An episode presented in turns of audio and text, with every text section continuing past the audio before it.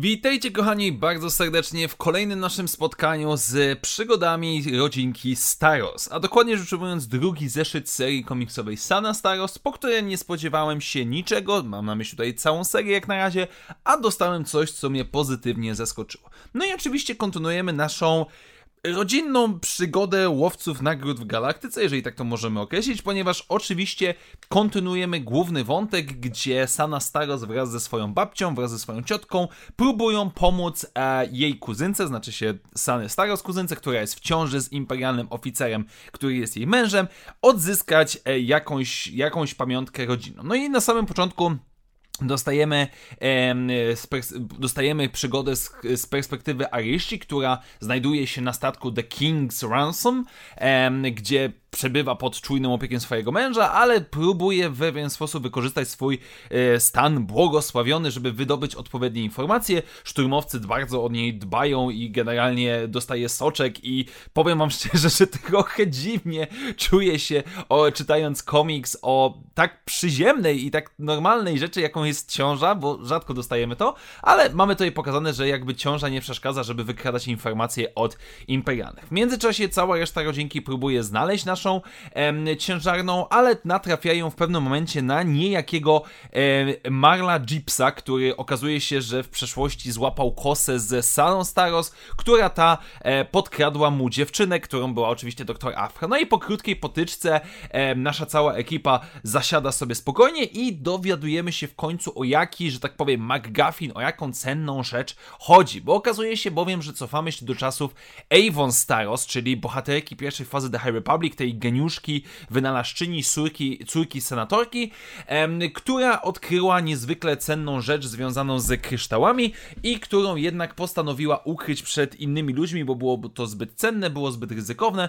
więc z pokolenia na pokolenie ten skarb był przekazywany, no i w pewnym momencie babcia Sany Staros rozgryzła tą zagadkę, dostała się powiedzmy do kuferka ze skarbem, no ale sam e, skarb został ukradziony w jakiś sposób przez Imperium, jeszcze tego nie wiemy. W międzyczasie, kiedy nasze bohaterki są w trasie, e, Sana Staros w pewien sposób dogaduje się z Meverą. E, Mevera to jest jej powiedzmy ciotka i jednocześnie matka Aryszy, e, no i generalnie wybaczają tam sobie, rozmawiają sobie przy przysłowiowej wódeczce, bo oczywiście tutaj cały czas pojawia się wątek brata Sany, który dołączył do Imperium z własnej woli. W międzyczasie Arysza Arysza powiedzmy gdzieś tam próbuje, kombinuje, żeby przekonać swojego męża, żeby zboczyć nieco z trasy do, na odpowiednią planetę, a Sana Staros po kilku głębszych ma sny o swojej młodości na uniwersytecie z e, dr Afro. No i na końcu cała nasza ekipa rodzinna przybywa do jakiejś bazy najemników, przemytników, gdzie spotyka się z Devą Lompop. Deva Lompop, którą znamy z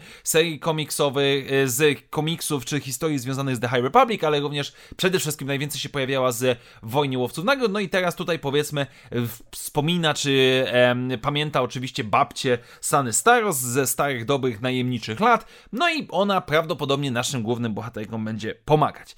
Tak więc, moi drodzy, jest jest przyjemnie i dziwnie. Znaczy się ten komiks, e, tak jak mówiłem, temat ciąży, tematy rodzinne, bardzo, bardzo, bardzo przyziemne bym powiedział które są powiązane z łowcami nagród, e, zabójcami, gangsterami i innego typu rzeczami. I to wszystko jest fajne dla mnie, nawet autentycznie mnie to bawi. Oczywiście mamy tutaj jakąś tam większą stawkę, no bo e, zapiski Avon, Star, e, Avon Staros, która super odkryła niesamowite rzeczy, są cenne. Nie wiemy w sumie za bardzo, jak ten skarb trafił w ręce Imperium, więc tutaj nie wiem, czy babcia coś jeszcze kombinuje, knuje, czy oszukuje.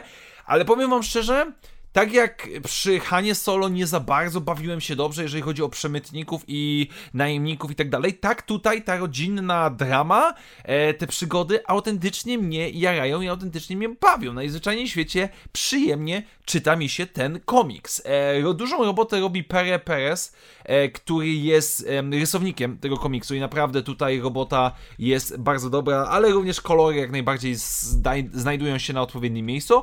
Fabularnie jest to przyjemnie relacje rodzinne przyjemnie zaprezentowane, to, że cała rodzinka, gdzieś tam starsza babcia czarnoskóra była kiedyś snajperką i w ogóle jest, jest, jest naprawdę naprawdę entertain, entertainment, naprawdę to bawi, naprawdę to wciąga i powiem wam szczerze, ja czekam na więcej. Tak więc dziękuję wam bardzo serdecznie moi drodzy za dzisiejsze spotkanie. Standardowo przypominam, że jeżeli podoba się co robię na kanale, możecie wesprzeć moją działalność, stawiając mi wirtualną kawę, do której link znajdziecie w opisie tego materiału.